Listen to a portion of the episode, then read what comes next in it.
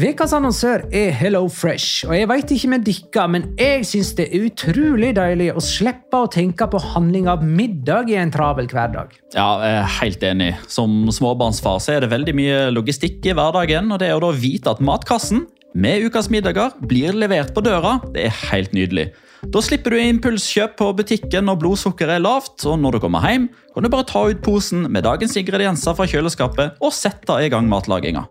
Ja, Du kan velge mellom 25 ulike retter hver uke. Og de har faktisk en egen kategori som heter Raskt og enkelt, med masse enkle og gode oppskrifter. Veldig greit å ikke måtte ty til takeaway hver gang det er hektisk på jobb. Jeg gleder meg spesielt til sterk chilikylling i min neste kasse. Jeg blir sulten bare av å tenke på det. Ja, Det er ikke feil med bacon og cheeseburger heller, da. Og det som også er bra, er at matkassen koster det samme hver uke, som gjør det enklere å holde matbudsjettet. Ja, og så blir det ikke matsvinn heller, fordi du får akkurat det du trenger til hver eneste rett. Hello Fresh kan absolutt anbefales, og bruker du koden vår, LIGALOCA, kan du få opptil 1779 kroner i rabatt på de fem første matkastene hvis du ikke har prøvd Hello Fresh tidligere. Du kan også prøve koden hvis du har avslutta abonnementet ditt for tolv måneder siden eller mer. Gå inn på hellofresh.no og bruk koden LIGALOCA. Bon appétit! Hallo? Jeg kommer fra Oslo politikammer. Ine Jansen er purk. Er du purk? The motherfucking bitch. Alt jeg vil, er å finne ut hva som skjedde med mannen min. Jon Carew. Er jeg sikta for noe? Iben Akeli. Det er du. Ole So, Lars Berrum og Big Daddy Karsten. Hvem sin side er du på, egentlig? Anette Hoff, Tone Danielsen, Kommer du fra Afrika? Jørnis Josef, Nesten. Kløfta. Trond Espen Seim. Det er synd å si det, men det var feil mann som døde. Purk. Premiere tirsdag på TV2 Play.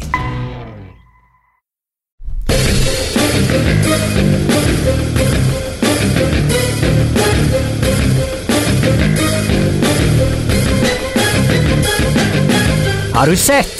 Barcelona kjørte rotasjonsprega lagoppstilling med backup-spillere som Filipe Coutinho fra start. Dermed ble det poengtap hjemme mot Getafe. Og Valencia vant endelig en fotballkamp igjen der de slo byrival og veslebror Levante på Mestalla. Dermed stoppa den tradisjonsrike tapsrekka deres på seks denne gangen. La liga loca. En litt gærnere fotball.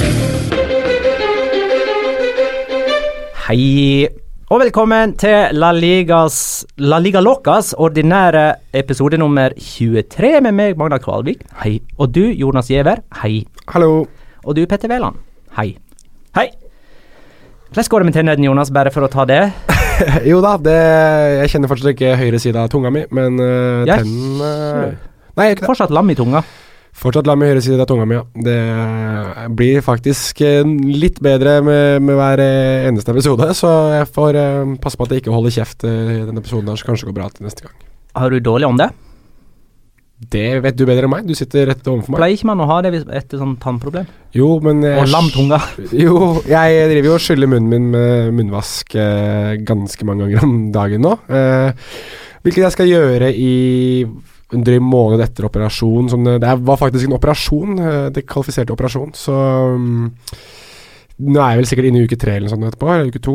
Det vet kanskje dere bedre enn meg, jeg husker ikke helt, jeg. Kvalifiserte til operasjoner, så har du De- satt det de på CD-en. Ja, det skal jeg gjøre. Vi har lagt bak oss en uh, litt spesiell serierunde, fordi at for første gang denne sesongen så klarte både Valencia, Real Madrid og Atletico å ta litt innpå Barcelona. Det er altså første gang at alle tre lag vinner i en runde. Barcelona avgir poeng. Barcelona topper La Liga, sju poeng ned til Atletico. Det er fortsatt ni poeng derfra ned til eh, Valencia, som er poenget framfor Real Madrid. De har en poeng, én kamp til gode mot Liganes. Den taper de jo. Eh, skal vi begynne med Barcelona? Getafe 0-0. Hva skjedde der, egentlig?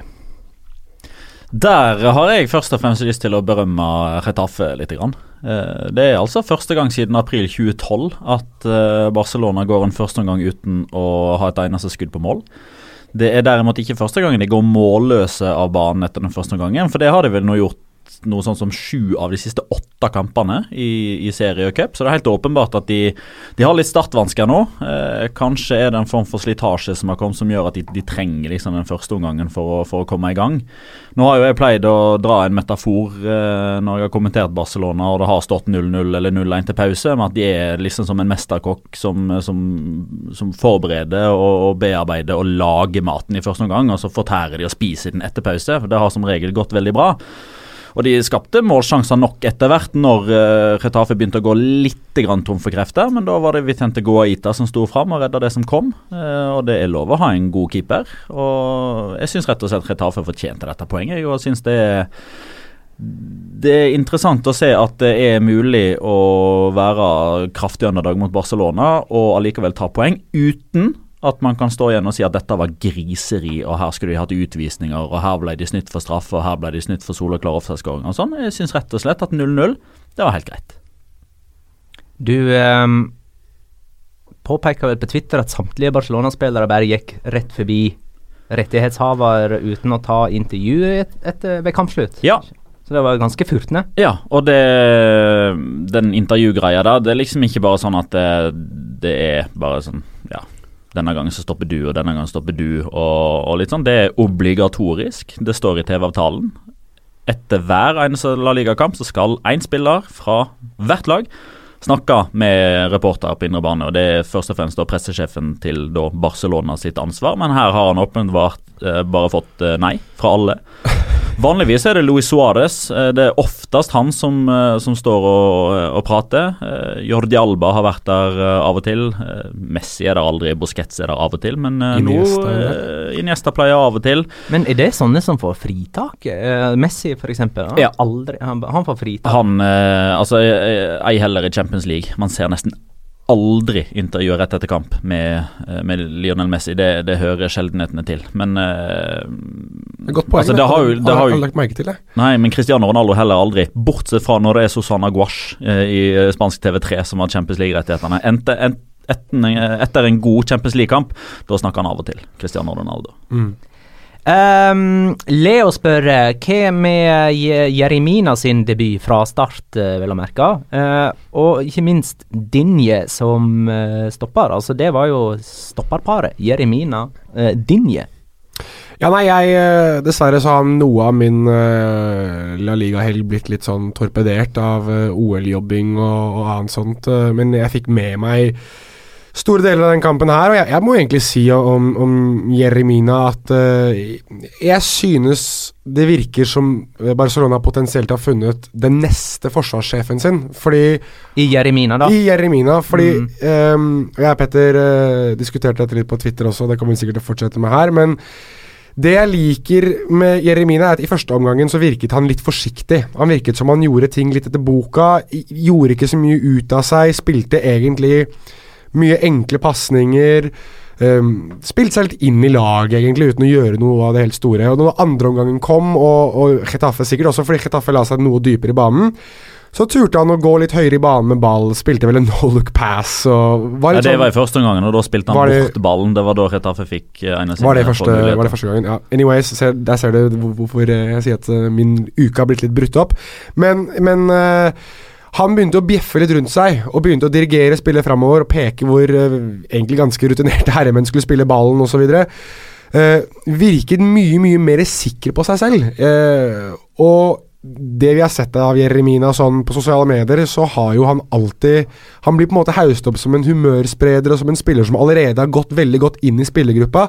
Så jeg tror at det er en kar som allerede nå nyter veldig mye respekt bare av det vesenet han er.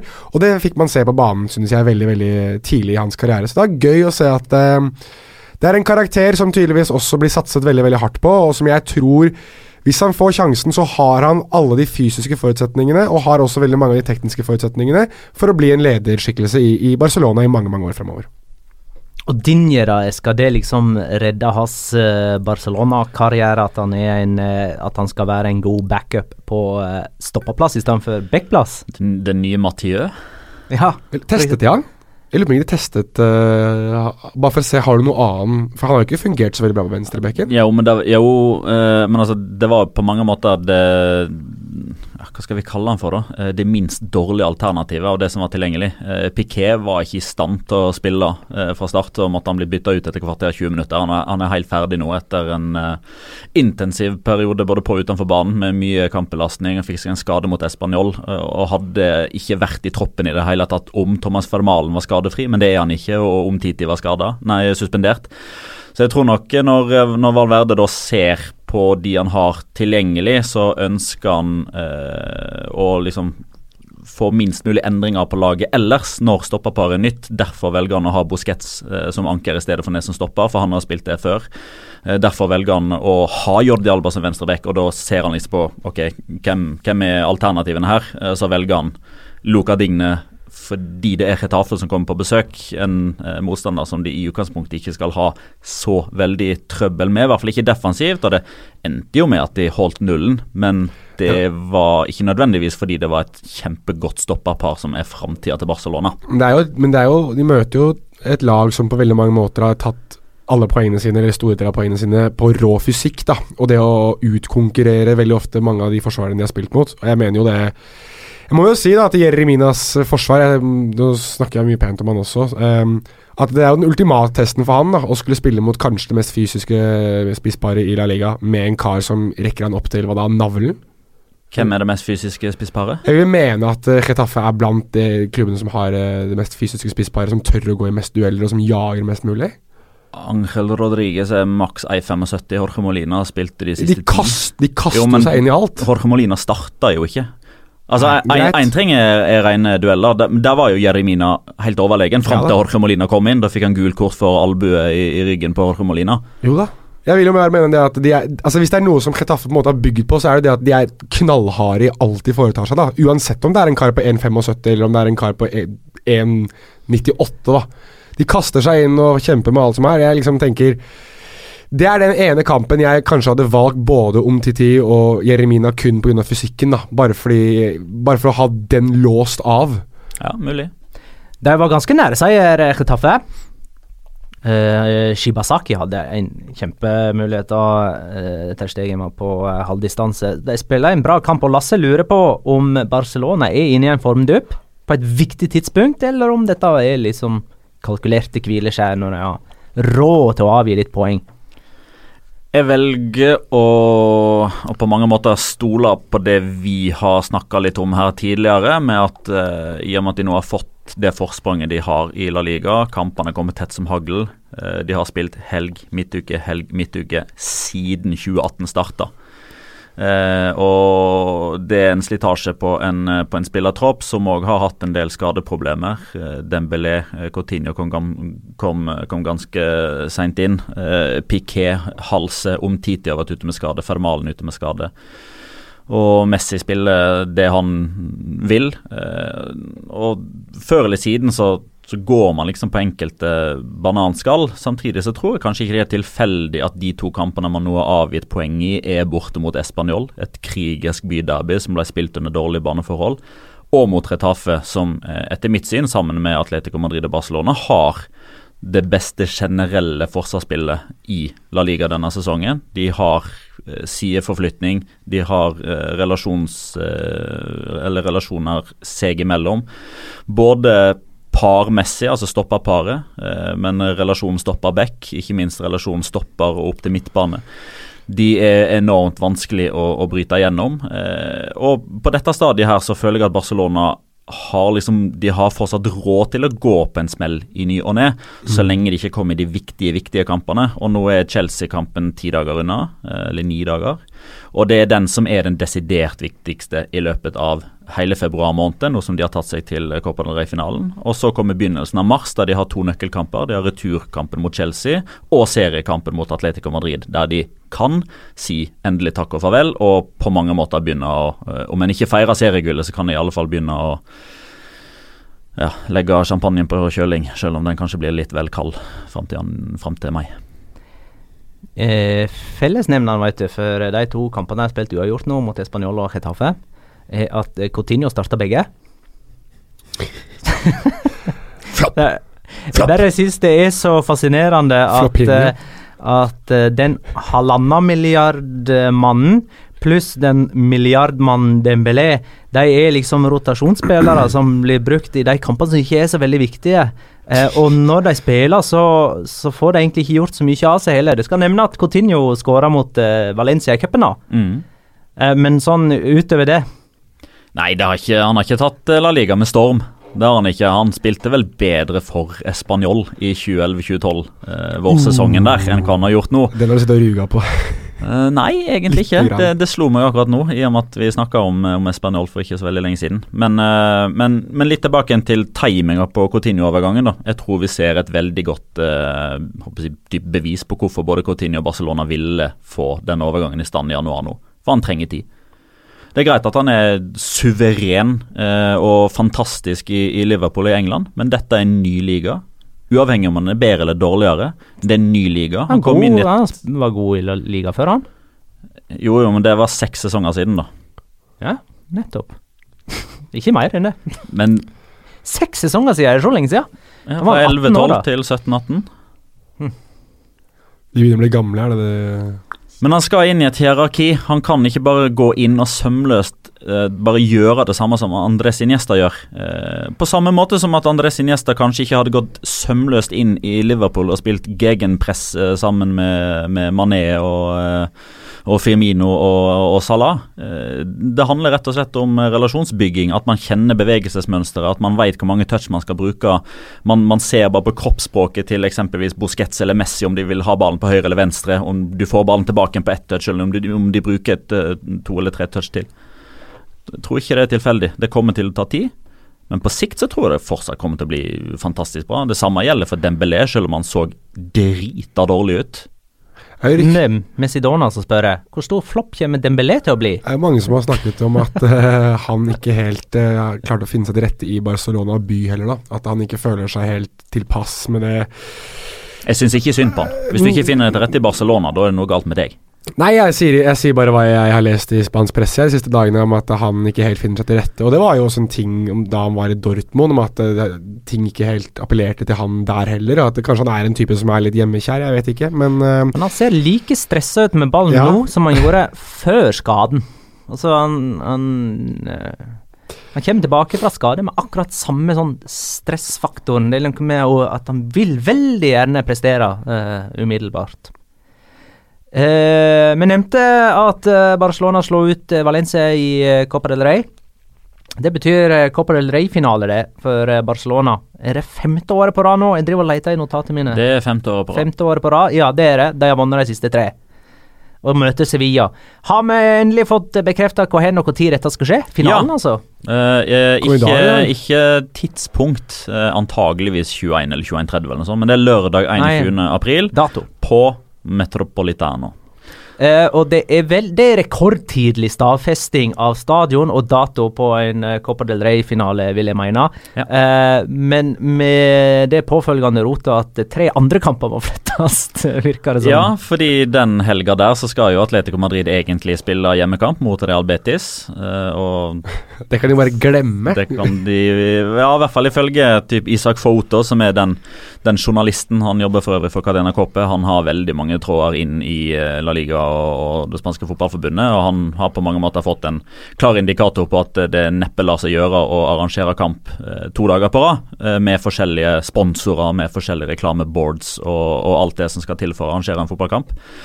Uh, og Barcelona skal jo egentlig spille på hjemmebane mot Villarreal. Real Madrid skal spille på bortebane mot Sevilla. De to kampene må jo flyttes fordi man ikke kan spille to kamper samme, samme helg. Uh, så antageligvis så får man en situasjon der i hvert fall to, typ garantert Barcelona og Sevilla sine kamper, blir flytta til 9. mai.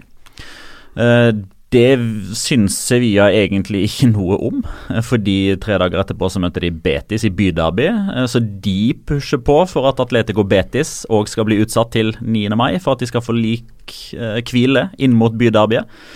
Men det kan òg hende at eh, Atletico Madrid mot Betis blir, blir spilt da den 23., altså mandag 23., men det kan hende at Atletico Madrid ikke vil det, for hvis de kvalifiserer til semifinale i Europaligaen, så skal de spille torsdag 26., så vi er ikke helt i boks ennå. Det er litt Rubiks kube over det hele. Det er deilig surr altså, hver gang man skal stamfeste en Copa del Rey-finale.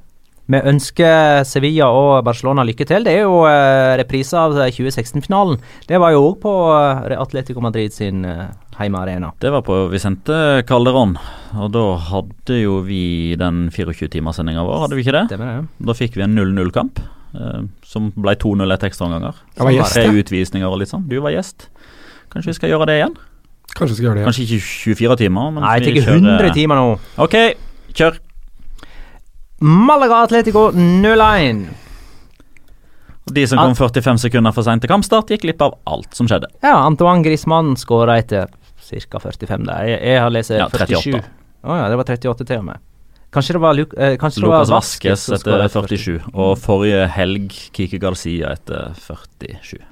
Elias Knutsen lurer etter dette resultatet. Er det faktisk litt spenning i La Liga nå? Ei liga. Ei Liga! Ja, du mener det? det sk jo, for nå har vel. Atletico, Atletico har vunnet begge de siste to serierundene og tatt da inn på fire poeng på Barcelona de siste rundene. Tatt inn på fire poeng. Uh, og nå, Hvorfor ikke A-liga, liksom? Det er, synes, synes det er all mulig, all mulig grunn nå til å mene at i hvert fall Nå er de within touching distance, da. Og Barcelona skal til Iporoa. ja, Ja, det er ikke det og det er faktisk bare uh, Barcelona og Atletico Madrid som har tatt flere poeng enn Eibar de siste tolv serierundene. Så det er mm, i utgangspunktet ikke noe walkover, og den kampen kommer jo også da bare tre-fire dager før Barcelona skal møte Chelsea. Så mm, plutselig så feiler de der òg, mens Atletico Madrid vinner sin kamp. Hvem- Da er det nede i fem poeng. Hvem møter Atletico Madrid neste runde? De skal i alle fall tilbake igjen på El Metropolitano, siden de hadde bortekamp nå. De skal møte Atletic, som har verken Adoris eller Raúl Garcia med pga. karantene. Dette er tippekampen vår. Det stemmer, det. Ja, nei, Eh, men det er få dager etter at de har vært i parken, da. Mhm. Atletico. og vi. Og, og vi. Woo! Det kan vi ta om litt. Det kan vi. Rosseland spør er Atletico så solide at det er meningen de skal vinne med liten margin i hver bidige kamp, eller har de bare flaks i seirene sine? Det her er jo sånn trademark-seier, da. Jeg har sagt det Vi har jo snakket om det her eh, gang etter gang etter gang, at eh, det er, sol, det er noe herlig solid over det hele, synes jeg, da. Det er jo Men det er liksom Det er så ekstremt liten margin mellom det at det er herlig uh, herlig forsvarsspill og her, herlig kontroll til at det går helt på trynet. Det er det der ene målet imot, så vi, kan vi bare glemme å genierklære Diego Simione. Um, jeg, synes, jeg synes det er noe Det er noe litt velkjent hver gang de klarer det. Og når du scorer etter et minutt, og så er egentlig kampen over, det er um, på mange måter det Atletico Madrid-laget jeg synes er litt morsomt, da. Det er en liten kunstform, akkurat det der. Ja, det er det. Det minner litt om altså Det er en sånn Mange vil jo si at italienere var kjedelige og, og sånn og, og på 90-tallet og kanskje tidlig 2000-tallet de spilte fotball, men det var en, kanskje noe av det samme som det. At de scorer, og så skjer det ikke så veldig mye mer eh, i kampen. Og Mange vil kalle det kjedelig. Jeg kaller det fascinerende. Og så, liksom, så kan man jo selvfølgelig leke litt med forskjellige tall, eh, og det, det blir jo ikke en, en eh, naturlig ting å gjøre. Men bare for å poengtere, da. altså Atletico Madrid har skåra 34 mål. Det har gitt de 52 poeng. Real Sociedad har skåra 43 mål, altså ni mer enn Atletico Madrid, og de har tatt 26 poeng. Halvparten. Jeg har litt sånn inntrykk av at uh, liksom, uh, noen sesonger etter ligatriumfen i 2014, så prøvde Simione liksom å, å gjøre litt om på stilen. Og høst. Og få dem til å kontrollere kamper og styre kamper litt mer. Eh, og så bare fikk han aldri Atletico til, til å, å avgjøre kamper med det. Og dermed så har han bare gått tilbake igjen til den derre Krige oss til en 1-0-seier. Ja, Det var høsten, høsten 2016, eh, da de i løpet av en sånn syv-åtte kampersperiode Da avga de poeng eh, Altså, de tapte vel med tre mål på hjemmebane mot Real Madrid. De tapte mot. Sevilla, de tapte mot Villarreal, de avga poeng mot Español. Jeg lurer på om vi hadde studiosending da, eh, Jonas. Atletico Madrid i Español 0-0. Rett etter El Classico. Ja, det kan stemme, det. det Og etter det en så det var rart at ikke de skårte. Det var Griezmann hadde vanvitt, to vanvittige sjanser i Ja, kampen. Der. Det husker jeg godt. Og etter da eh, så Han sa det vel aldri like klart og tydelig som Mendy Libar gjorde nå for noen måneder siden, men det var liksom veldig lett å, å tolke Diego Simione dit hen at Ok, nå har vi forsøkt å gjøre det dere ønsker vi skal gjøre. Det funker ikke for oss. Vi går tilbake igjen til det vi vet at vi er best på. Så få tilbake Diego Costa, som jeg tror har veldig veldig mye å si for den der krigerske stilen. At de alltid har en som jager fra fronten, da, om vi kan eh, si det på den måten. At de, de alltid er on the front foot hva angår presshøyde og For de presser jo når, Så fort lag kommer over midtbanen, så starter de presset sitt. Er, er det jeg har fått inntrykk av nesten hver eneste gang. De går ikke noe spesielt høyt når uh, lag kan godt stå og spille på deres banehalvdel, det er helt greit, det. Men så fort det er over midtbanen, da begynner Atletico Madrid. Da skal det løpes, da skal det kriges, da skal det vinnes. Og så skal den ballen så langt unna eget mål som overhodet mulig, og så skal de prøve å krige inn kanskje 2-0, kanskje 3-0. Og så venter de på at banen åpner seg litt mer, slik at de kanskje kan gjøre noe mer spektakulært, da. Men jeg, jeg synes det er eh, Igjen, da. Det er noe herlig mm, trademark over det. Og det er en typisk uh, Atletico Madrid-seier. Og når det har blitt typisk noe, så må man nesten bare bli litt glad i det, tror jeg, til slutt. Lasse spør eh, om Atletico vinner Europaligaen. Nei. De er favoritter. Skal ikke glemme at i Europaligaen så har vi lag som Arsenal. Eh, De vinner ikke. Napoli. Dortmund Men Napoli, så lenge de henger med i Serie A-kampen, så Napoli, eh, Det er min favoritt. Er Napoli din favoritt? Mm. Med den De har liksom Stallen, den toppen de har. Det ene store målet sitt denne Det er sesongen. Serie A. Det er Serie A. Ja, det nei, var det òg mens de spilte Champions League. Jeg får ikke lov til å ha Napoli som en favoritt. Nei vel, ok. Jo, du får lov, men du må begrunne. Nei, jeg synes av alle de lagene jeg har sett i Europa, offensivt og defensivt til sammen, sånn totalt sett, da, så er Napoli kanskje det laget som har imponert meg aller mest uh, i forhold til hvordan de bygger opp spillet sitt, og i, gjerne også hvordan de, de forsvarer seg kompakt. Ok, Bare siterer du Pep Guardiola nå? Nei, jeg gjør ikke det, men jeg, jeg er veldig enig med Pep Guardiola i at det er kanskje det laget som har sett best ut i, i det oppbyggende spillet bakfra, og at de samtidig også ser veldig solide ut bakover. Jeg synes det er noe gøy over dem, eh, Ja, ja. Men, men samtidig Der så er vi enige, altså. Det er vanskelig å være uenig Ja. i uh, det du sier der. Men kan vi, kan vi si at jeg er favoritt, da? Får jeg lov til å si det? ja, det må du Takk. si. Men hvorfor skulle ikke Arsenal uh, gå all the way? Altså, Det er deres mulighet til å ta, spille Champions League neste sesong. Jeg tror mer på Arsenal enn Napoli, rett og slett, for jeg tror det, det er rett og slett en større nødvendighet for Arsenal. De Altså når- det er når- større nødvendighet for dem enn for Atletico. Ja, fordi Atletico Madrid kvalifiserer til Champions League uansett. Mm. Eh, men altså, i, i Europaligaen så har du 16-dels, 8-dels, kvartfinale, semifinale og finale. Det er ni kamper i løpet av eh, våren. Jeg tror vi så ganske klart og tydelig i løpet av høsten at Napoli fantastisk gode, men de har ikke en brei nok stall til å ta både hjemlig liga og Europa nok på alvor. Og når de nå er i den situasjonen de er i, der de har et bitte lite overtak på Juventus de kommer ikke til å gjøre en eneste ting i Europa som kan sette det tittelracet der i Ja, kanskje. Du har kanskje et godt poeng der. Jeg, eh, når jeg har sagt dem, så da står jeg på dem. Greit.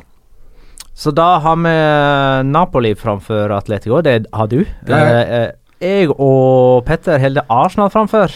Jeg holder Arsenal foran Napoli. Atletico Madrid syns jeg er fav favoritten. Ok, jeg holder Arsenal som favoritt til å vinne. Eh, vi må snakke litt om Malaga. Ruben S. Nilsen spør om vi har noen tanker om nedrykksstriden. Hvor sikre er vi på at Malaga rykker ned? Rimelig sikker. Og nå Hva, er, de har 13 poeng, de. ja, nå er det ikke mange prosentsjanse igjen der, altså.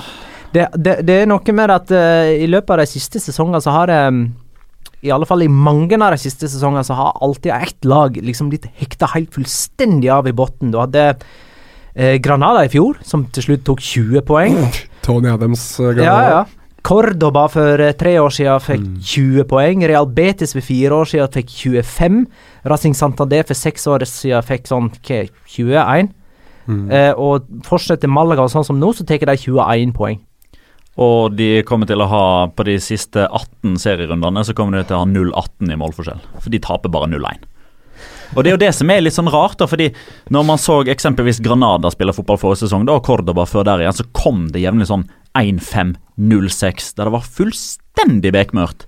Men Malaga de taper jo bare jevne fotballkamper. De blir aldri knust, nesten. Men det er bare, de, de evner ikke å vippe det i sin favør. De er ikke gode nok. Det er det jeg Ja. sagt hele sesongen. De er ikke gode nok. Men eh, Jakob Berge spør hvem eh, hvilke tre lag vi tror rykker ned. La oss ta det, da. Malaga. Nå ligger altså Deportivo nest sist, og Las Palmas helt sist. Jeg tror i hvert fall Las, Palmas Ikke Tredje sist ligger Las Palmas. jeg tror i hvert fall Las Palmas og Malaga rykker ned. Nei, vi er spente på Deportivo. da Eh, Sedorf debuterer en Ja. time etter at vi sitter her i studio ja, som jeg, trener mot Real Betis. Av de fire som er der nede, så er det jo Deportivo som i utgangspunktet skal ha den beste stallen. eh, og som er jeg håper jeg, det laget som skal ha forutsetninger for å komme seg ut derifra. Um, nå var det jo i utgangspunktet tre lag som var helt fortapt der nede. Uh, og Alaves fikk et uh, voldsomt oppsving når de bytta trener. Uh, det kan Deportivo få. Det kan Levante få hvis de nå snart får fingeren ut og lar Lopez Moniz gå. Én seier på de siste 17 seriekampene, ingen på de siste 10. 11, og han sitter fortsatt. Det går strak av veien mot sekunder, det. og så er jeg litt sånn Når det gjelder Las Palmas så jeg er veldig spent på han Esekiel som ble henta inn nå eh, etter at overgangsvinduet var stengt, sånn egentlig. Da har man jo fortsatt muligheten til å hente spillere som står uten kontrakt. Eh, han kan bli spennende, for det, de, de, kommer ikke til å holde seg oppe med Jonathan Kaleri. Det nytter ikke. Nå er jeg så lei av å se han spille spiss i hermetegn for, uh, for Las Palmas. Men det som kom uh, som, som en nyhet i går, søndag, at uh, det er et par kinesiske klubber som ligger langflate etter Jonathan Viera. Og hvem gjør vel ikke det? Det Det er alarmerende. Hvis han går nå, da kan vi bare uh, si uh, at sistemann må slukke lyset. All right. Vi kan komme litt tilbake til det seinere. Jeg tipper Levante, Las Palmas og Malaga rykker ned. Malaga, Las Palmas og ettersom jeg hadde en så lang prat med han i dag, og han var så nedfor og trodde at det kunne skje, så sier jeg faktisk Real Sociedad. Hvem var han? Oyerfano. Ja, Real Sociedad-supporter. Petter? Ja, Er det noe jeg skal si at jeg skal gå dit og dit hvis det skjer? Nei. Nei. Eh, Malaga, eh, Las Palmas og Levante. Ja, Da er det samme tre som meg. Jeg tror vel egentlig de tre òg, men jeg har blitt litt farget av Oyerfano. Før vi går videre, eh, minner meg om at vi reiser til København for å se FCK Atletico på torsdag, og lage en podkast i den forbindelse. ja, vi skal Det er ikke noe bet. Kult! Det er, ikke noen, det er ikke noen bets eller noe hårbleking på meg denne gangen. Altså. Det, er ikke det det? Nei, det er det. det jo da, det, det, er det vi skal finne ut av. Nei, det skal vi ikke. Jeg, nei, vi skal ikke ha noe hårbleking eller noe annet. Hvis Saul scorer fra nei. 20 meter, nei. så skal du bleike håret. Nei, jeg skal ikke bleike noe hår denne gangen her. Nå er det nok, altså. Jeg er lei av å sitte, og, okay. sitte på pinebenken hele kampen og holde på å gråte. Vi går videre. Uh, det blir for øvrig mye europacupsnakk i løpet av den uh, podkasten som kommer med. En ny ekstra bonuspodkast fra La Liga Loca. Uh, Real Madrid, Real Sociedad 5-2. Og det var altså Vasques som skåra etter 47 sekunder. Ronaldo skåra hat trick. Tony Cross skåra ei perle. Real Madrid leda 4-0 til pause. Tapte faktisk i andre omgang 2-1. Bautista og Iaramendi skåra for Real Sociedad i andre omgang. Men dette var vel uansett akkurat det Real Madrid trengte før eh, kampen mot Paris Saint-Germain. Ja. Heime på onsdag. Ja, det vil jeg mene. Det Vitamininnsprøytning og litt troa på seg selv og litt sånn um, Uh, yes, det, det, er egentlig Det er en sånn interessant greie med Real Madrid sin Zidane. At uh, hver gang de virkelig begynner Virker som det kommer til å gå ordentlig dårlig for dem, og det har gått ordentlig dårlig, så har de en sånn kamp som det her. Hvor de egentlig ikke ser så altfor verst ut. Og de skårer fire mål i første omgang. Og de har, Hvor mange var det de skåret i første omgang mot Sevilla? Var det fem mål i første omgang mot Sevilla? Ja. Altså uh, Det er et eller annet merkelig med at de klarer å på en måte dra ut ja, men det er skikkelig ustabilt. Og vi, jeg, jeg, føler meg som et hakk i plata, for at vi snakker om Jekyll og Hyde og ikke friskmeldt hver eneste episode, og sånn er det jo nå òg. Mm. Um, men hvis det er noe som kanskje kan være litt oppløftende for dem, så er det det at Cristiano Ronaldo endelig begynner å treffe på de sjansene han har bommet på tidligere i sesongen. Han bomma på sjanser denne gangen òg, han kunne ja, ha skåra fem. Det kunne han, men han treffer på tre av dem, da. Og mm. Petter var vel en som påpekte Han kommer nå til sjanser nå, det ja. har han ikke gjort det siste uken. Petter påpekte vel siste episode at uh, det var Nå har han vel seks skåringer på to ligakamper? Nei, nå er, han Nå sju på fire. Hat trick mot Bettis på søndag, så har han ti på fem. Altså, det er jo nå, Hvor mange var det nå? Er det 11, på 18 kamp, 11 mål på 18 kamper eller noe sånt nå, i La Liga? Ja, totalt sett. Ja. ja. Men så har jo, ja, men, jo, de, Han har skåra i seks kamper. Elleve mål, fordelt på seks kamper han har skåret. Men det ser jo ikke så Plutselig, plutselig så sitter han med, med 18 eh, kamper, 11 mål. Det ser jo ikke så dumt ut på en sånn statsliste lenger, det nå, da. Nei, men det er jo ikke like bra som vi forventa av han. Og det er jo, Nei, det er det ikke, det er jo medaljens bakside med å gjøre det så bra. Han, liksom, han blir alltid sammenligna med seg sjøl. Uh, eh, og det han har gjort tidligere, er jo så, så sinnssykt. Men, men faktum er at på, på, dette stadiet av sesongen, når det er klart at nå har han virkelig begynt å bøtte inn mål nå de siste kampene, som gjør at det som så ut som en veldig dårlig statistikk bare for noen uker siden, nå ikke ser så aller verst ut allikevel. Det er faktisk bedre enn på samme tidspunkt forrige sesong. Mm. Ja da, for all del. Men jeg vil også påpeke en ting. Geronimo Rolias. Er det mulig? På, Han er i slepphendt. Altså, på den det er bare den siste, det er bare den siste Nei, han ikke skal ta. vet du hva? Det får være måte på. Kan han ikke slå den ut i corner?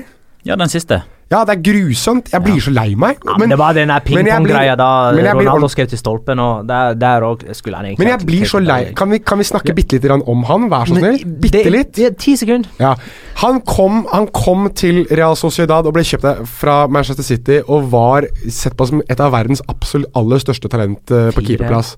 Nå mener jeg Altså, nå har vi allerede, har vi allerede sett Mauricio Lemos som har vært litt lik i det at han, han virket spennende i en sesong, og så har han vært helt grusom siden. Hva er det som skjer med disse med, først, først disse gutta som jeg prøver å synes ser bra ut, og så er de helt elendige etter en ha, halv sesong når vi har begynt podkasten vår. Dette har skjedd med tusenvis av fotballspillere hver sesong i alle år. Ja, Vi har bare hatt podkast litt over en halv sesong, Magnar. Ja, og dette er to av de tusen. Ja, og Så det eh, er ferdig. Eh, Han er ikke helt der han burde skulle være, eh, Jeg er enig i det. kan jeg, kan jeg, tror, vi at han, tror vi at han er del av Argentinas VM-tropp? Jeg har ikke oversikt over keeperne deres. eh, Nei, det er nettopp Hvordan det. ligger Romero an, da? Nei, Det er jo han som står. han sitter på benken i Manchester United, da. Marchesin, som spiller i Mexico, og Andujar, som vel fortsatt er i Argentina, er det vel i Han pleier å velge San Pauli. Mm. ikke Caballero får Nei, å være med, det er eh, rart. Det, det er tynt å ha Rolli i Argentina-målet, ja. Mm. Så vi nei til det. Uh, mm. Men uh, det er to ting uh, som eh, dreier seg om eh, Real Madrid eh, etter denne kampen eh, blant folket. Mm. Det ene er at Casemiro ikke spilte, og at det funka veldig godt med Kroos og eh, Modric ved siden av hverandre i en firer sentralt. Mhm. Tommel opp der? Ja, ja, ja, Ja, det funker funka veldig bra, det. Bør, eh, er det sånn at eh, man bør gå for den løsningen mot Paris Saint-Germain på onsdag? Nei, Da er det Casemiro inn men i det, er, treer. men det er jo pga. forskjellen på Real Sociedad og, og, og PSG, da, på det man har å tilby uh, i de fasene av spillet der Casemiro er veldig viktig å ha. Mm. Så han er ikke noen uh, akilles, han. For Real Madrid, selv Nei, om det så ikke- ikke i- eh, ut Ikke i de kampene, men, et, men sånn som eksempelvis uh, en kamp var det? da? Var det mot Leganes, mon tro? Med typ ti minutter igjen, og sånn, så bytta de inn på Casemiro. Uh, det, det var en, jeg husker ikke nødvendigvis, men, men da tenkte jeg liksom sånn Men det er jo ikke det Real Madrid trenger nå. Og det er litt det uh, som man kan holde mot Casemiro. At han, han har ikke den samme pasningsflyten. Det går ikke alltid videre på ett touch. Man får Altså Kroos og Modric tror jeg blir bedre offensivt når de spiller ved siden av hverandre, når de ikke har typ Casemiro i mellom seg, da, som, som stopper litt av flyten osv. Det gjør jo at eksempelvis på hjemmebane, mot lag som Real Sociedad, eh, Leganes, Levante og sånne type ting, Kroos og Modric sentralt på midten holder i massevis. Kommer Atletico Madrid, kommer Barcelona, kommer PSG osv. Det er i de kampene Casemiro pleier å være best. Eh, og så den andre tingen, det er Mikael Bjerkan som uh, poengterer for oss. Uh, Lukas Vaskes, skal han endelig få tillit etter liksom mye eh, hardt eh, arbeid? Han var den første som ble tatt ut nå av Ja, Vi vet jo alle svaret på det. Eh, Men uh, ble han tatt ut bare for Hvorfor ble han tatt ut, da? Om ikke det var for hvile, f.eks.? Hvem som kom inn? Uh, Isco? skal vi se. Dette kan jeg sjekke. Det er riktig. Isko Ja. Nei, hvorfor han? Nei, Han ville jo ikke ta ut Cristiano Ronaldo. Han ville ikke ta ut Benzema. Da er det enkelt og greit, da. Kunne ha hvila Kroos, han kunne ha hvila Ramos, Marcelo Han ville at Benzema, Benzema skulle få den der pipekonserten sin på slutten av kampen istedenfor. Nei, men det er liksom sånn, Jeg skjønte jo heller ikke så veldig mye av hvorfor Bale plutselig kom inn det siste kvarteret, når stillinga var 4-0. Men han skal starte, da, eller? Mot Paris Saint-Germain? Bale skal starte. Han, eh, Cristiano Ronaldo og Benzema. BBC. Så klart. Og så Kroos, Modric og Casemiro. Nå vet du hva, jeg heller en knapp på Lucas Vaskes. Jeg tror han starter. Hva tror du, Jonas? Jeg tror du tar feil. Ja. Da kan vi jo ta Jostein T, som ber oss eh, spå utfallet av Real Madrid Paris Saint-Germain. Dette er ikke en del av tippekonkurransen. Jeg sier Holy shit, hva sier jeg for det?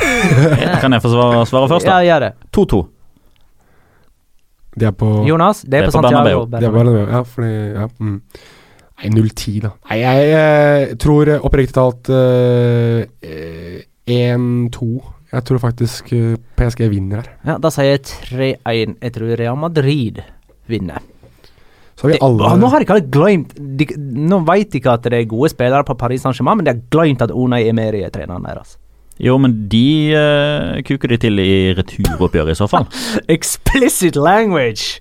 Ok, det, vi har ikke sånn eksplisitt-merke på podkasten vår med eh, Petter. Nei, vi- Hei! Vi må snakke om uh, Valencia Levante. var det mye som skjedde her? Hvis vi er inne på å kuke det til, så kan vi jo snakke om han dommeren i den kampen der. I uh, Valencia Levante. Som heter Medie Jimenez. Dommerkontrovers og ny VAR-diskusjon er et punkt jeg har skrevet. Det er faktisk øverst. Men jeg vil eh, ta eh, utviklingen av kampen eh, først. Valencia vant 3-1. Santimina skåra først for Valencia. Minuttet etter ut, utligna Levante eh, ved Postigo. Herlig skåring. Jeg liker den skåringen der. Jeg syns det er så deilig når de breiser på hel volley inn i nærmeste hjørne. Men Så- hva var det, tror du, som, som digger skåringa, tror du det var et innøvd trekk, eller rakk han bare ikke å komme lenger opp? Kan vi ikke si det han var? Jeg, jeg tror ikke han prøvde å skyte engang. Jeg bare tror han re ved refleks løfta foten, og så bare Hvordan skal dette gå? Jeg tror det var en innødd variant. Ja. Det, det litt Stopper som er på vei opp, men Ja. blir ikke plukka opp før han kommer inn i 16-meteren. Kort corner, innlegget kommer, bam, umarkert. Ja. Ja, mulig. Og så trodde Levante at de gikk opp i 2-1 i andre omgang, og rett etterpå så var det 2-1 til Valencia, bare sånn ut av det blå, ved Vieto, og så skåra Parejo på straffe til slutt, 3-1. Eh, dette var første seieren til Valencia på evigheter. De hadde seks eh, strake tap. En gang i tiden så sa Jonas at uh, tradisjonen tro kommer Valencia til å tape sju-åtte kamper på rad. Uh, og det var det jeg refererte til i min intro. Ja. De pleier ikke å tape 28 kamper på rad. Heller ikke seks. Men det var tilfellet denne gangen, da. Jo, dommerkontroversen da Levante trodde de gikk opp i 2-1. ja, de skulle gått opp i 2-1. Fortell. Nei, eh, altså Det er vel ikke mer å si enn at det kommer et innlegg fra venstre som Kåke stanger nydelig mål, egentlig. Det var en Eh, corner, ja. Var en corner, ja. ja. Kommer eh, på corner, stanger nydelig inn. Og øh, dommer vinker, eller øh, linjemannen vinket, dommer blåser, ingen vet helt hvorfor, og så Nei, det var ikke, det var ikke assistentdommer, det var, det var, Det var- dommer. Det var hoveddommer. Yes. Uansett hvem det enn var, det ble avblåst. Uh, frispark ut. Og så får vi da opp reprisene på at det er uh, dytt på Gaia, men det er da Gabriel Paulista, hans egen midtstopper, som dytter Gaia over ende. Kokke går fri opp, header ballen i mål. Og dommer har da tydeligvis trodd at det er Kokke som har dyttet Gaia, eller dyttet Paulista, som igjen da har dyttet Gaia. Så um, frarøvet scoring.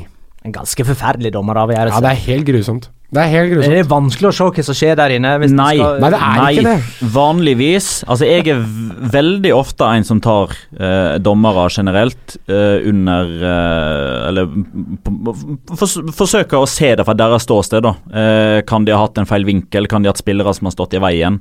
Eh, kan dette ha skjedd eh, med en spiller som, som dekker synsvinkelen? Kan han ha hatt en opp annen oppfatning av situasjonen enn det vi som ser TV-bildene har? Men når jeg stopper bildet når den ha- øh, strake armen fra Gabriel er i ryggen på Gaia, så har dommer fritt innsyn. Det er ingen som står i veien. Han har perfekt vinkel. Han kan ikke bli lurt av at han tror at Kåke står bak der igjen òg, for han har fritt innsyn på, på Kåke òg. Det er rett og slett bare en fullstendig feil dommeravgjørelse. Synsbedrag, eller at han tror at noe har skjedd som han ikke har sett. Jeg vet ikke. Var det Bles han før ballen var i mål? Ja, det gjør han. Hvordan kunne VAR ha gjort noe med det der, da? Jeg tror ikke VAR kan gjøre noe særlig med det, for at der har dommeren allerede bestemt seg for noe, med mindre han får en beskjed Før ballen går i mål, han det, uh, altså, da, da er ikke Ja. det en annullert skåring. Det er frispark før det blir mål. Ja, Jeg vet ja, ikke, Det er en det veldig, veldig interessant eh, situasjon, akkurat det der. Fordi det man, altså Hvis man skulle ha tatt uh, den situasjonen, så antar jeg at det da Man kan ikke stoppe spillet der og da, bare si sånn Vent, vent, vent, vi må se om denne avgjørelsen var riktig. Her er det eventuelt en videodommer som man sitter og ser på dette her, men ballen blir jo satt i gang, og Valencia går i angrep og skårer. Det man faktisk kunne fått her, er jo det man frykter som et worst case-scenario her. At man etter. Valencia-skåringa går tilbake og sier nei, nei, nei, nei, nei, dette teller ikke. Fordi vi gjorde en feil dommeravgjørelse i stad. Skåringen skulle ha, stått i, på motsatt ende. Det var vel noe lignende som skjedde i Nederland eh, forrige sesong, det. Mm. Ja, Det var vel noe lignende nå allerede på Eller noe så sist som på fredag. Fiorentina og Juventus. Ja.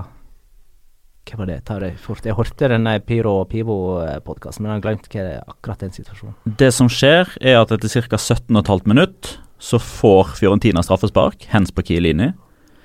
Eh, og det ønsker man å vurdere gjennom videodømming, Om man finner ut at uh, ok, nei, det var hens, den skal stå. Uh, og når, dommer, eller når Fiorentina-spilleren da står klar til å ta straffesparket, kanskje to-to-og-et-halvt minutt etterpå, så gjør dommer dette videodømmingstegnet igjen, Aha. fordi han får en beskjed på øra. Han viser at han vil gå og se på skjermen, ja. Ja, Ja, og for da har ikke han gått og sett på skjermen i utgangspunktet? Nei.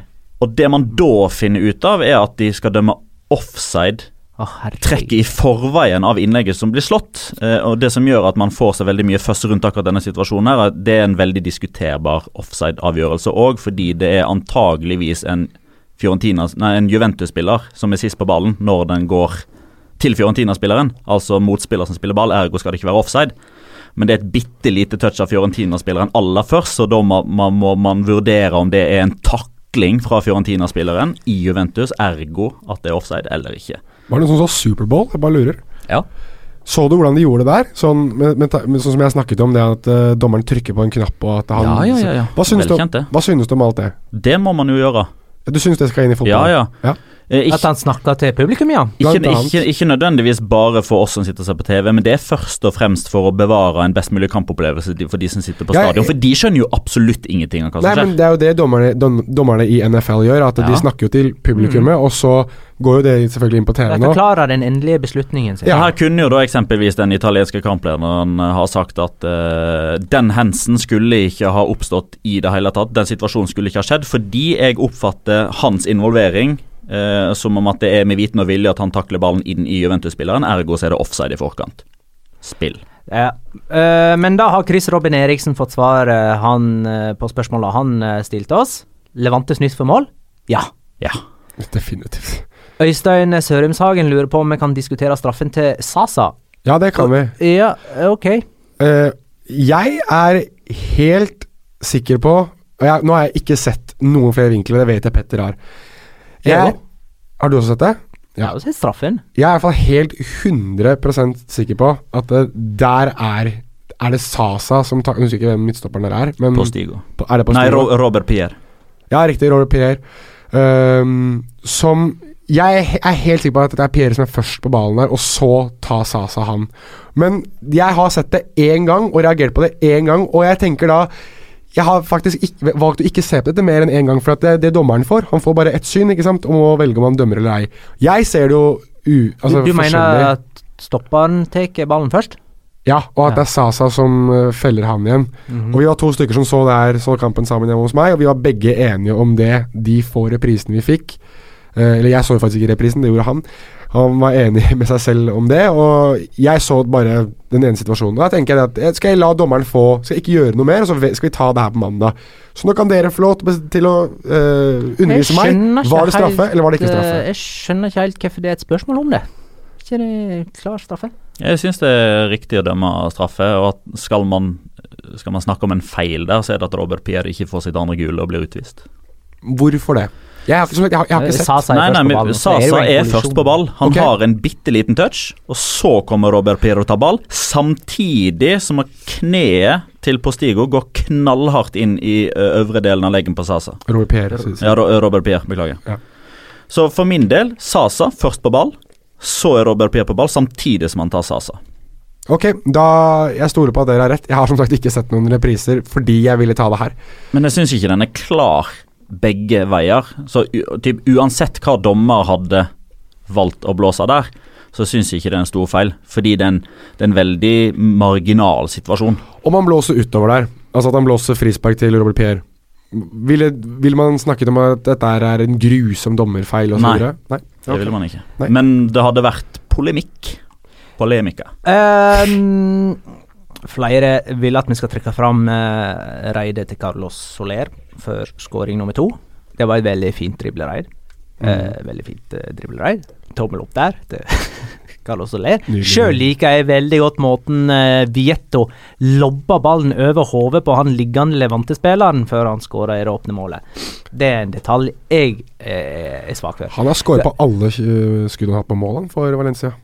100 uttelling. Ja. Han har 100% uttelling på skuddene sine, og 0% uttelling på lange oppspill som han får.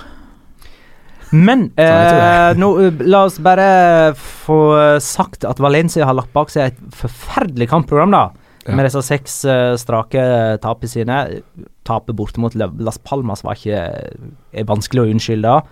Um, for så vidt tapet i Copa del Rey mot uh, Alaves, men da vant de jo på straffekonk og gikk likevel videre.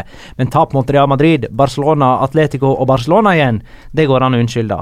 Det som kommer i det neste for Valencia, det er jo Malaga i neste runde, som de skal slå. Paula Rosaleda. Ja, likevel. Og så er det Real Sociedad hjemme. Den skal de vinne. Men det kampprogrammet som kommer nå, det var da de virkelig skjøt fart i, i høst. Ja. Så det er liksom det tilsvarende programmet, bare at det nå bytter hjemme- og bortekamper. Så mulig eh, for eh, Valencia å ta noen poeng framover nå.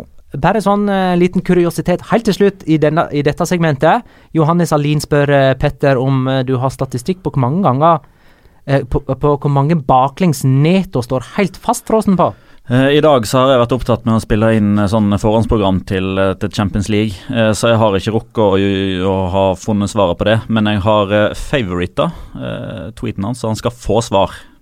Han sto i alle fall helt fastfrossen på dette baklengsmålet mot Ja, og det gjorde han vel òg når Tony Cross uh, skåra, og ja. Jeg kan, jeg kan se det for meg at han har gjort det flere ganger, ja. Han og Rolly. Og David Gea. Gjør det veldig ofte, han òg, faktisk. Men nå eh, tar vi og går på eh, litt sånn runden for øvrig, og innleder med dette. La Liga Loca finstuderer. Nordin Amrabat. Ja, Leganes Eibar 0-1. Og Nordin Amrabat er på ingen som helst måte overskrifta etter den kampen, og likevel så blir han det her.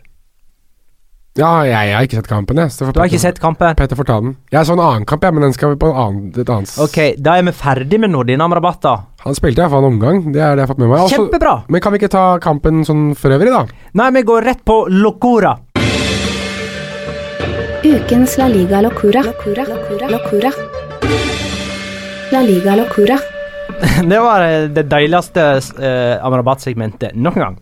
Eh, grunnen til at jeg ville ta Locoraen akkurat nå, eh, var siden vi allerede var inne på Leganes Eibar. Eh, 0-1. Og min og Nå begynner jeg med min Locora, som går til Eibar. For nå er de på europacupplass. Er det si Men kan du ikke si noe om hva som skjedde i fotballkampen, da? Nei. Jo, jeg kan si at Rami skåra fire minutter på overtid. Og sørga for at Eibar eh, står nå med bare ett tap på de siste tolv eh, kampene sine. Og dette er den klubben som sender ut nabovarsel hver gang de får storfint besøk av Real Madrid og Barcelona, for at det er ikke nok parkeringsplasser i byen, så de beklager på forhånd for trafikkaos. Dette er den klubben som ikke hadde råd til å feire opprykket sitt med konfetti i 2014, så de ba fint på sine kne om å få låne konfettien til Barcelona, siden de ikke fikk brukt sin konfetti etter eh, å ha spilt 1-1 i seriefinalen mot eh, Atletico Madrid det året. Dette er klubben som kjøpte Nieto, og som da var deres dyreste spiller. Han kosta en tredel av Cristiano Ronaldo si ukeslønn. Ja. Nå er Eibar, som for seks sesonger siden endte på tredjeplass i Segunda B, deretter på andreplass i Segunda B og rykka opp, deretter på førsteplass i Segunda, deretter 18.-plass i La Liga, eller Primera, da, rykka egentlig ned, men fikk plassen til eh, Elche pga. finansielt rot. Deretter på 14., deretter på 10., og nå er på 7.-plass i La Liga. De har steget hvert eneste år, seks år på rad. Dette er, er klubben som må bygge ut stadion fordi at uh, deres opprinnelige stadion sånn som han var, i Poroa, ikke tilfredsstilte kravet til La Liga. Så nå går tribunen snart inn i stoven på naboene, for så tett er det bostadstrøket som den stadion ligger i. Der nærmer det seg Europaligaen. Min lokura går til Eibar. Det er lov. Tror du de får spille Europaligaen på Iparo, eller må de leie San Mames? Det kan godt hende at uh, Uefa kommer med enda strengere krav enn det det spanske forbundet har. Jeg håper inderlig det blir i Peroa. Hvis det blir Europaliga. Hvilket det blir. Det kan det bli. De ligger jo på sjuendeplass, og den plassen går eh, til, til Med den plassen går de til Europaligaen så lenge Sevilla og Barcelona møtes i eh, Copa del Rey-finalen og sikrer seg europaplass via tabellposisjon, som jo Sevilla fort kan ryke på, da. Nei Jo, det er jo det som er muligheten mot, da. Ja. Mm. Eh, Jeg har egentlig bare Celta Vigo Español sånn generelt sett. Ikke av samme grunn som at, valgte, eller som at vi valgte Betis Valencia i sin tid som en generell Locora-kamp, men egentlig bare hvordan det er mulig for Español å reise derfra med poeng. Eh, 18-3 i skudd. Eh, Diego Lopez har han spilte aldri så bra eh, i løpet av den perioden før han ble lokka til Real Madrid, eh, for å si det sånn. Han hadde en helt fantastisk kamp. Og um, Leo Super. Baptista og Gerard Moreno skåra mål nesten den ene gangen de var over på Celta Vigo sin banehalvdel, mens eh, Maxi Gomez, som eh, for øvrig skåra to, og Aspas og siste og de andre, forsøkte og forsøkte og forsøkte, forsøkte, forsøkte, forsøkte, men fikk kun 2-2. Så han ah, Begynte ikke spanjol med sånn hashtag Super-Diego etter hvert? eh, Jo, det det er godt mulig. Det er litt det samme som uh, en annen kamp. Det er ikke min Locora, men uh, det var min nummer to. Men jeg kan jo ta det i- ettersom du er inne på det å eh, dra fra et sted med poeng. Alaves. Alaves mot Villarreal. Hvordan det er mulig at ikke Villarreal scorer med en ett mål der, det mm, Det er litt uh, Locora. Men min Locora, og trodde du at du hadde gått glipp av Nordin Amrabat, så skal du få det i fleisen nå. Fordi jeg, jeg tar dette og drar Siden vi har vært både nede i andre divisjoner og litt rundt omkring, så tar jeg nå Copa del Rey. Fordi i Copa del Rey-kampen mellom Sevilla og Leganes så har jeg sett Og jeg veit hvor du skal. Jeg har sett Magnar Kalvik. Jeg har sett Petter Wæland. Jeg har sett en krigselefant bli lekt med av et argentinsk geni. Jeg husker ikke engang minuttet, jeg husker ikke engang sekundet, jeg husker, ikke engang, jeg husker så vidt hvor jeg var hen, for jeg lå på gulvet. Jeg kommenterte. Det gjorde du. Jeg tror jeg sa sånn Ho, ho, ho Nå er vi på Leganes Sevilla. Sega- Sevilla Leganes. Ja. Sevilla Leganes. Og ute på høyrekanten så er det en ball som kommer mot Franco Vasques, og i ryggen på ham så kommer det en illsint krigselefant løpende i hundre og helvete. Og hva er det Franco Vasques gjør? Litt av luke. Frekk mellom beina på Nordin Amrabat, som holder på å velte over. Og tar det egentlig ganske bra etterpå, smiler og tenker ja ja, der blir jeg lurt. Men gud hjelpe meg, og uh, Mathias Bernstrøm, som nå leier et rom hos meg, kan vitne til at jeg lå på gulvet. Jeg lå på gulvet og lo og lo og lo. Etter, ettersom disse reprisene gikk igjen og igjen og igjen og igjen over skjermen. Locora, Jonas Eves sprellende på gulvet like mye som det Norden Amrabat lå og sprelte ute på Ramón Sánchez Pizjuan. Greit. De øvrige kampene som vi ikke har snakka om så langt Sorry, det, det var meg. Det var Jeg deg. lagde en sånn uh, rar lyd. Det er Nordin Amrabat som får deg til å gjøre det der. Atletic Las Palmas 0-0.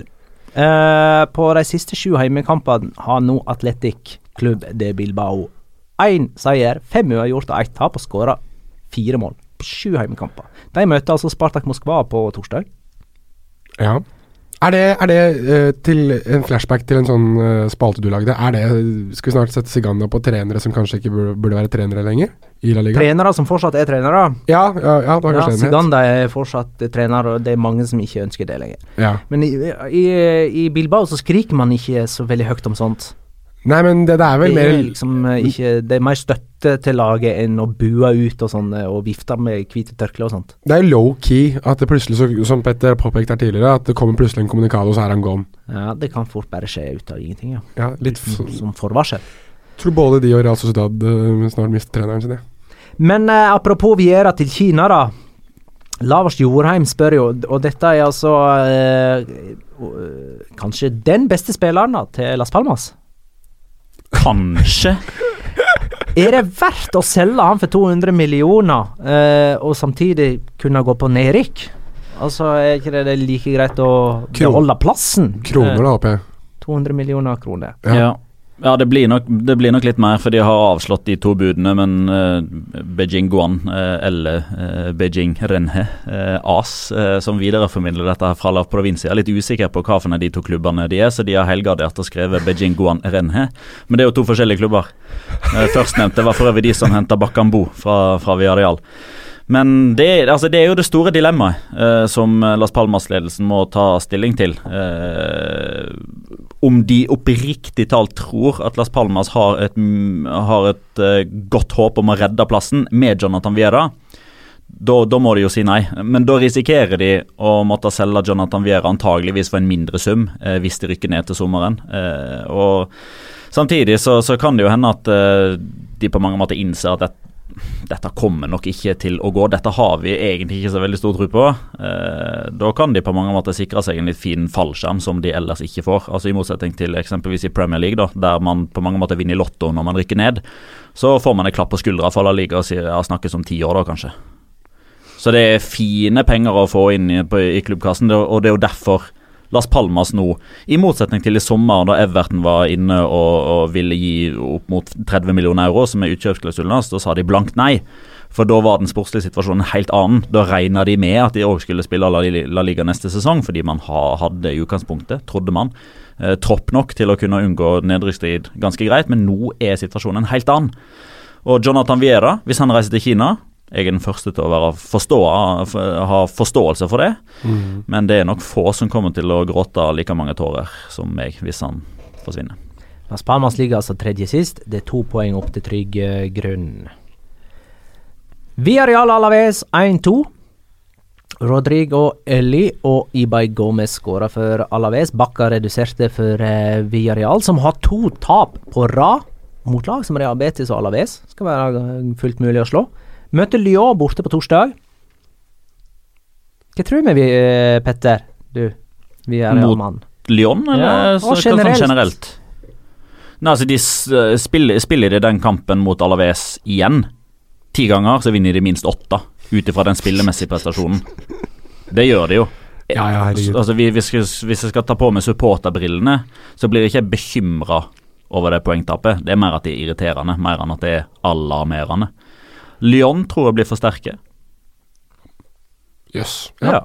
Jo, nei, jeg, nei for all del. Skal jeg være helt ærlig på. Jeg, eh, jeg, har blitt tidvis veldig imponert over Lyon denne sesongen. her. De har mange gode offensive spillere. Jeg tror Fikir kommer til å Typ, hvis de prioriterer det, da. Det er jo en uh, kamp om å komme seg inn i Champions League neste sesong. Det er ikke så veldig mye som skiller Monaco og Marseille og Lyon bak, bak PSG. Det er jo noen plasser de skal kjempe om der òg, men når det nå er februar, så tror jeg de legger en god del egg i Europaliga-kurven for å ta seg videre der. Eh, var det forrige sesong at finalen ble spilt i Lyon, eller er det denne sesongen? Hvis det er denne sesongen, så har de jo enda, da har de jo enda en grunn til å ta det, da, hvis de eventuelt kan spille en europacupfinale på er, hjemmebane. Det er denne sesongen her, ja, ikke sant? Da, da, da tror jeg de prioriterer den. Er ikke den ganske nyutbygd også? I hvert fall ganske moderne. De bytta jo fra Stad Jalan til den de har nå, ja. for ikke så veldig lenge siden. Nei, nettopp. Jeg eh, Nei, de jo Stemmer det, det er det nye stadionet deres. Ja, fantastisk uh, stadion, visstnok. Og den, den, offensive rekka der er jo Det er veldig undervurdert sånn i europeisk uh, målestokk, det de har å skimte med framover. Memphis Depay, Mariano Diaz, Bertrand Traoré Ligger på tredjeplass i Ligue 1. Ligue 1. Sevilla Girona 1-0. Sergio Rico. Skal, ja, eh, men det er Sarabia som får den skåringen, sant? Ja. det er så gøy, det. Ha to mann som løper og redder på streken, og så tror jeg ikke de er helt sikre. Jeg tror, jeg, jeg tror de blir sånn usikre på ja, å klare de, de, de, tør ikke å takle skikkelig, for, redd for å ta hverandre. Ja, og så er de redde for å sparke ballen, altså prøve å klarere hvis den andre I prøver. hverandre, ja. ja det, det virker bare helt det er flere kokker, mer søl der. Også. Det er litt sånn Locora-øyeblikk. Sånn, uh, Men det. Det, det. er jo keeper Sergio Rico som er virkelig matchvinner i den kampen der. Ja, da, uten tvil. Herregud, for en kamp han sto. Strafferedning. Han har jo vært litt syndebukk de siste i de foregående um, Sevilla-seriekampene med slepphendte baklengsmål. Jeg la meg imponere fortsatt av Girona, som tør å dra til nok en uh, stor stadion uh, som de har vel I gåstegn, de har vel ikke noe de skulle gjort på en sånn arena. Sånn egentlig, Det skal jo være litt kasteball, men så er de, de tørre, altså. Fram i banen, fram i skoa, angriper, prøver, kjemper, klør, og så går det ikke. Og Sevilla er altså klare for Copa del Rey-finale. Interessant å se om de kan gi Barcelona kamp på Metropolitano i april. Eh, og ikke minst om de kan eh, gi Manchester United kamp i, om ei uke. Men det kan vi snakke om eh, neste mandag, faktisk. Mm, kan vi. Celta Vigo Español 2-2. Maxi Gomez skåra to for eh, Celta Vigo. Baptistao og Gerard Moreno, som er en spiller jeg har veldig sans for, han, eh, de skåra for Español. Gerard Moreno er den eneste utespilleren som har spilt samtlige minutter. Wow. Mm. Han har skåra nesten halvparten av Español sine mål denne sesongen. Er det sånn at han er fast, altså er han permanent Español-spiller? Ja. Han var utlånt fra Villarreal en stund. Han ble solgt med Eller han, de kjøpte 50 av rettighetene. Mm. Det er derfor han til stadighet blir linka tilbake igjen, fordi Viareal på mange måter har et, et både insentiv og eh, god grunn og gode muligheter for å hente han tilbake igjen, men det fordrer at spilleren sjøl vil. Er litt interessant uh, hvis, du ser på, hvis du ser på La Liga-tabellen nå, så er jo altså på 15.-plass vinner Español og på 20.-plass vinner Malaga. Det er de to klubbene som de siste hva blir det for noe, ti årene har hatt uh, utenlandske investorer som har gått ganske knallhardt inn i klubbene og skal i hvert fall på mange måter prøve å styre de mot noe bedre. da, en Espanyols uh, kinesiske eier har vel sagt at han, hadde, at han hadde som mål å sende det til Champions League innen tre år. Så har du da Altani Malaga som skulle gjøre det til verdens største fotballklubb på et tidspunkt, og nå ligger de begge to og leker med nedrykk. Det er um, Litt sånn uh, moderne fotball får et spark uh, Hva sikter av sin Santander der? ja, det gikk jo ikke helt greit, det heller, men uh, Ali Sied. Husker du de husker Det det, fantastiske klippet der han står og danser på tribunen? Ja, men så rosa det. skjorte Ja, ja, og, blå blå Han var ettersøkt av Interpol, han. Ja, ja, det er han vel fortsatt. Ja, men Er det ikke litt interessant det at det, det, Altså Hvis du ser på det i England, så har du to av de største klubbene der, er jo City og Chelsea som har hatt sånne rike eiere, mens i, eh, i eh, Spania så de to, de to som er der nå, da, de sender jo klubbene sine rett ned. Ja, det, Og den eh, rikeste Er det rikeste personen i verden, eller? Eier jo Deportivo. Carlos Slim, da? Eller? Mm. Er det han som er eier? Han eier, han eier Deportivo. Ja, men han investerer vel ikke like mye i den klubben der. På Så, ingen måte, men Nei. han kan gjøre det hvis han vil. ja, stemmer. Så det er men da, vi venter jo fortsatt litt på utslaget til Valencia der, da. Petter Lim, ja. ja. ja. Han er også ganske rik. Eh, de, eh, han har klart å komme til Champions League én gang med han. ja, I første sesongen, til og med. Var ikke det det? jo da, Nuno Ja. Spirito Santo. Mm. Celta Vigo for øvrig hadde en stund kontakt med fjerdeplassen, men har avgitt fem poeng på de siste to kampene nå mot Alaves og Español. Så nå eh, ser det ut som de møter veggen. Vi er veldig spent på hvordan det har gått i, på Riazor. Uh, når Clarence Cedorf har debutert som trener for Deportivo La Coruña hjemme mot Real Betis. Det, der veit vi ingenting ennå. Det er ganske umulig å spå noe. Deportivo ligger altså nest sist, men kan komme opp på 20 poeng sammen med Levante, uh, som er på trygg grunn. Men uh, Deportivo vil vi uansett ligge under pga. målforskjell enn så lenge. Ja, Inntil eh, de to dobbeltoppgjørene Altså inntil de innbyrdes oppgjørene kan telles opp. Jeg tror vi går på tipping nå. Ja. La oss gjøre det. Har vi fått noe morsomme jeg sa Ja, det- vet du hva, det har jeg litt lyst til å ta. Å nei. Vi har fått en del tips om eh, hva straff og premie og den slags skal være. Jan André Mraz Hagen, Hans- som heter Jan André ikke- Mraz Hagen. Han, har han svart oss? Ja, det er han. Ja. Uh, og han er ikke i slekt med Mraz. Men jeg vet fortsatt ikke om vi skal si Mraz eller Mraz. Mraz. Emraz. Han er veldig opptatt av hår. Emraz. Men den om Magnar vinner. Om Magnar vinner, må de to andre skinne seg. Om en av de andre vinner, må Magnar la alt hår og skjegg gro i fire måneder uten å stelle det. Den andre må skinne seg, da. Men hvordan er hår- og skjeggveksten din? Er fire måneder nok? Eh, Det blir masse hår og skjegg av det, men veldig uryddig plassert rundt omkring, for eh, Det blir ganske åpent midt på Dette må vi få til å skje, Jonas. Jeg veit ikke. Du, du har jo sett Paco Hemes eh, fra da han spilte mot Norge i eh, 2000 Ja. med langt hår. Det blir ikke det det. er det blir ikke sånn.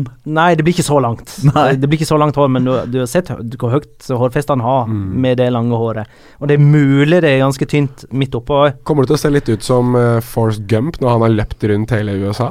Nei, det tror jeg nok er fyldigere vekst. Okay. Mm. Både på hodet og i ansikt for uh, Tom Hanks, Mm. uh, som sikkert brukte parykk og den slags akkurat i den scenen.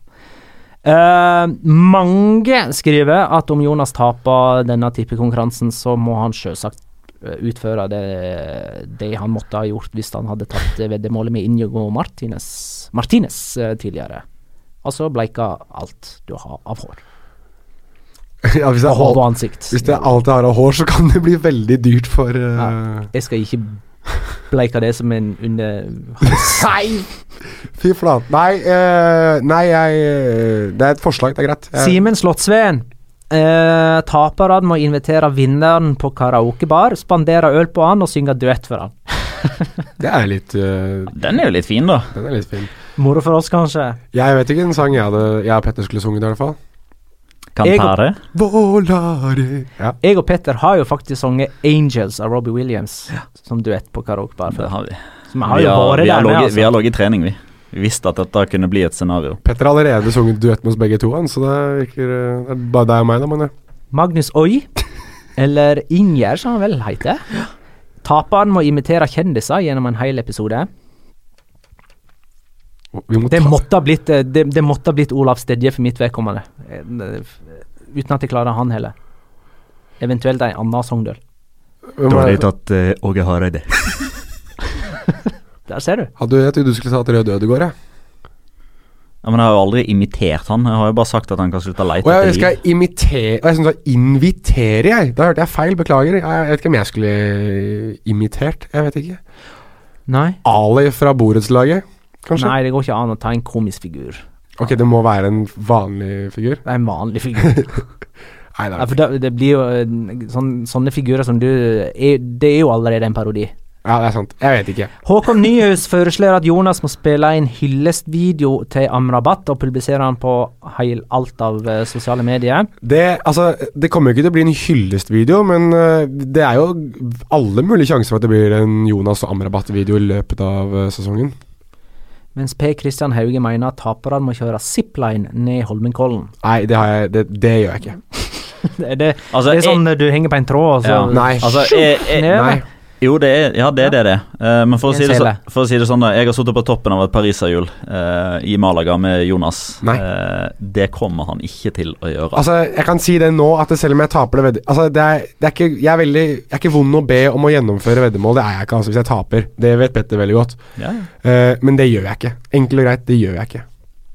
Vi får tenke enda litt mer på det. Lå i kremi, forresten. Han har ikke skåra for Retafe ennå. Det er lang vei til en startplass der. Ligger han til ei kasse med øl til Petter der, Jonas? Ja, det gjør jeg akkurat nå. Han har fem, da. Ja, vi har passert uh, halvveis for Vent- ganske lenge siden. Bare vent til han scorer hat trick, du. Men i eh, vår tippekonkurranse, da, så Ja. hadde vi altså Real Madrid Sociedad uh, sist. Uh, Petter tippa 4-2 med William José som målskårer. Det ble 5-2, så han får ett poeng. José spilte ikke. Nei. Ett poeng til Petter, som da er oppe i åtte. Jonas hadde 2-2 med William José som målskårer. Uh, det ble null poeng da til Jonas, Det var det. står på fire. Jeg tror det er første nullpoengeren vi har, kanskje? Nei, jeg har hatt en nå. Ok, ja. Magnar tippa 3-2 til Real Madrid med Gareth Bale som målskårer. Han starta heller ikke, uh, men ett poeng da øh, for heimeseier. Fire poeng på meg òg. Du ligger likt der, Jonas. Mange Neste kamp Hvor mange var det Petter hadde? Åtte. Ja, han- Mm. Han har hatt uh, hellet med seg. Han er Barcelona Han er Barcelona i vår type tippekonkurranse, tydeligvis. Årets utgave. Mm. Ja, men det kan snu dette der, da. Atletico mot Atletic er vår tippekamp. Denne er litt vrien med tanke på målskårer, i hvert fall hvis man har det samme typ, utgangspunktet for, for hvordan kampen kommer til å gå, eh, for min del. Eh, jeg tror Atletico Madrid fortsetter i samme spor at de vinner 1-0, men deres bare målskårer midt i det dobbeltoppgjøret som Atletico Madrid har mot FCK. Da må man forsøke å tenke hvem som starter eller ikke. Eh, jeg tar en liten råsjanse og sier eh, Gameiro. Oh. Oh. Sa du 1-0, 1-0. Gameiro. Au. Den er eh, sylfrekk. Jonas. Uh, 2-0. Eh, første målskårer Angel Correa. 2-0 Korea. Nå. Jeg hadde tenkt å tippe 2-0, ser du. Men det er jo lov å ha samme Jeg veit det, men uh, Det er strategisk det- men Nei, jeg må si eh, 2-0. Og Saul.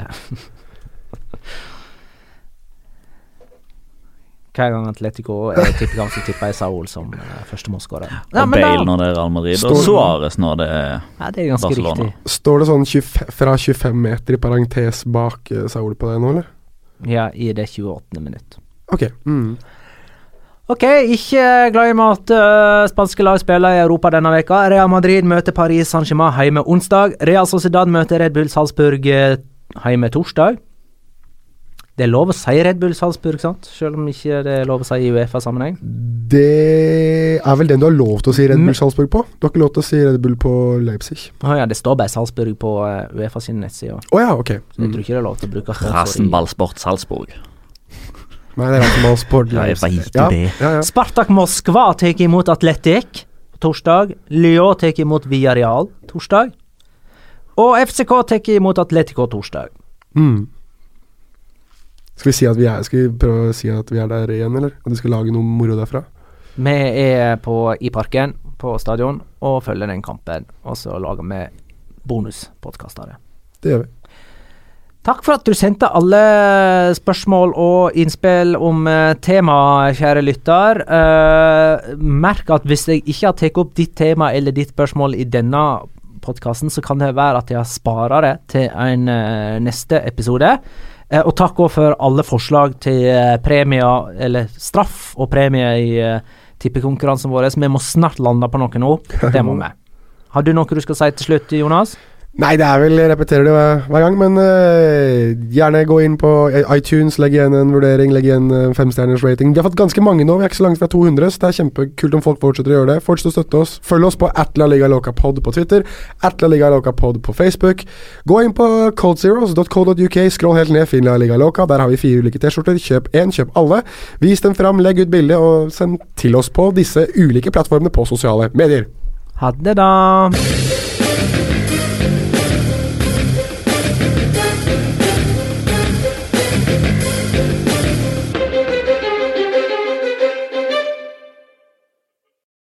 Har du et enkeltpersonforetak eller en liten bedrift?